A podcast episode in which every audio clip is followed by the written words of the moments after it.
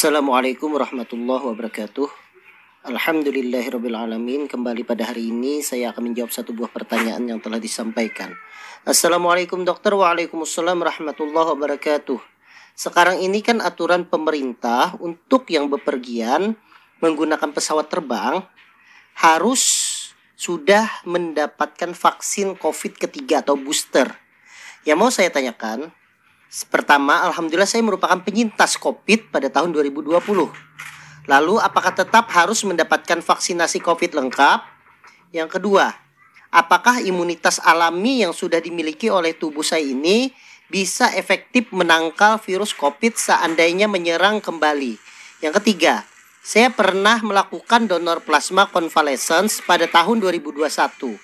Apakah itu ada dampaknya bagi imunitas tubuh saya? Apakah imunitas saya berkurang karenanya?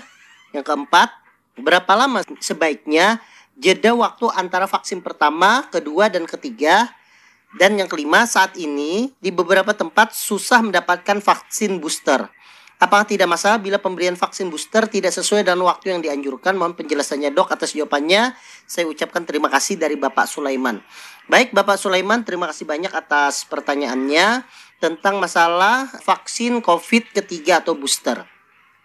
Pertanyaannya, apakah tetap harus mendapatkan vaksinasi COVID lengkap kalau seandainya penyintas? Ya, ya tetap. Karena berdasarkan peraturan pemerintah, sekarang ini kecuali tenaga medis dan lansia, maka vaksin itu harus booster satu kali. Nah, kalau sudah tenaga medis dan lansia maka dianjurkan untuk vaksin booster dua kali. Artinya kalau Bapak ini bukan bagian dari medis atau lansia maka Bapak harus vaksin COVID tiga kali. Sedangkan kalau medis dan lansia itu harus vaksin COVID sampai empat kali. Jadi walaupun Bapak penyintas COVID tahun 2020 tetap harus dilakukan uh, vaksinasi booster satu kali. Jadi totalnya adalah tiga kali. Kemudian apakah imunitas alami yang sudah dimiliki oleh tubuh saya ini efektif menangkal virus COVID seandainya menyerang kembali. Nah, karena COVID-19 ini termasuk virus yang baru, artinya uh, awal ada itu kan kita ketahui Desember 2019 bahkan di Indonesia dinyatakan resmi ada itu adalah pada bulan Maret 2020 dan sekarang masih akhir tahun 2023 perkembangan penelitian tentang COVID-19 ini belum berjalan uh, secara luas, artinya masih dalam tahap awal. Sehingga kita tidak dapat menjamin bahwa orang yang terkena COVID sebelumnya itu maka akan terbentuk imunitas alami yang akan bertahan lama. Karena banyak kasus ada yang setelah dia terkena COVID ternyata beberapa bulan kemudian diperiksa imunitas alaminya, ternyata imunitas alaminya turun. Ada juga yang bisa bertahan sampai enam bulan imunitas alaminya. Bahkan pada beberapa kasus pasien yang sudah di divaksinasi COVID walaupun sudah dua kali, dia tetap bisa terkena. Dan ketika diperiksa ternyata dia sudah mulai turun imunitasnya. Jadi memang penelitian ini belum berkembang dengan baik sehingga saran saya ya jangan terlalu berharap dengan imunitas alami. Intinya adalah kita harus menjaga tubuh kita dengan cara protokol kesehatan, memakai masker ke mana pun, cuci tangan, Kemudian juga makan makanan yang bergizi karena pencegahan itu lebih baik daripada mengobati. Kemudian yang ketiga, Bapak pernah melakukan donor plasma konvalesen pada tahun 2021 lalu. Apakah ada dampak bagi imunitas tubuh saya dan apakah imunitas saya berkurang karenanya?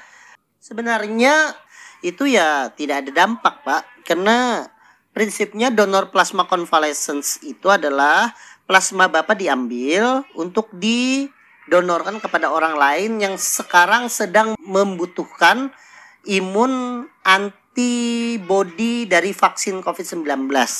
Nah, kalau diambil, apakah akan berkurang imun Bapak? Ya tentu tidak, karena proses terbentuknya antibody di dalam tubuh Bapak itu melalui proses-proses yang cukup rumit.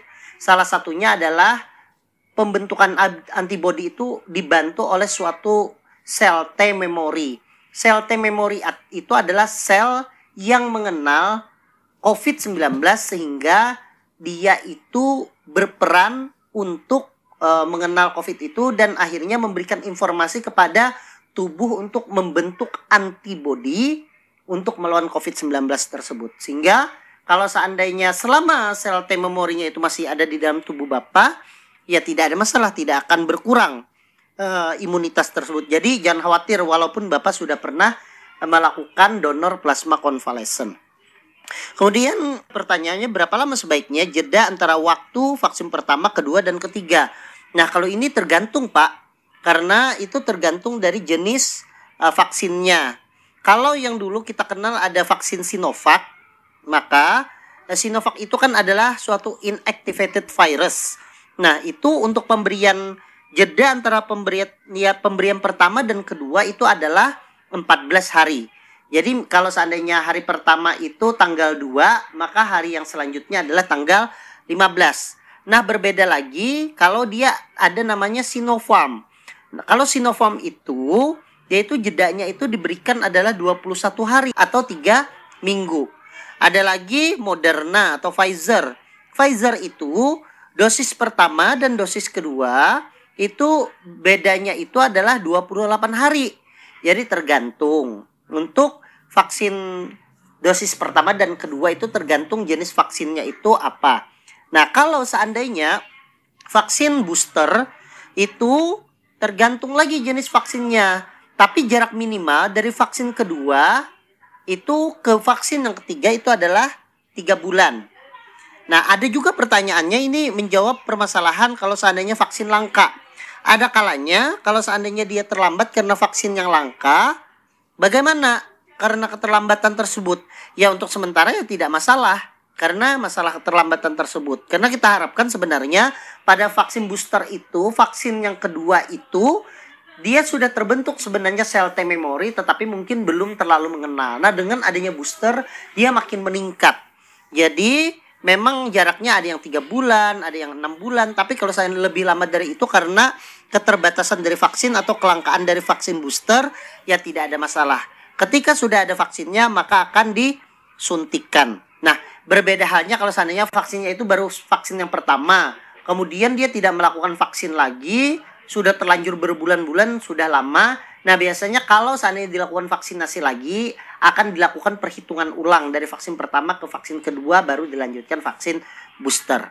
Demikian Bapak Sulaiman, itu saja yang bisa saya jawab. Semoga bisa menjawab rasa uh, rasa penasaran dari Bapak atas pertanyaan-pertanyaan yang tadi dilontarkan. Semoga Bapak Sulaiman selalu diberikan kesehatan oleh Allah Subhanahu wa taala dan kita semua yang ada di sini juga selalu dilindungi dan diberikan kesehatan dari Allah Subhanahu wa taala. Wassalamualaikum warahmatullahi wabarakatuh.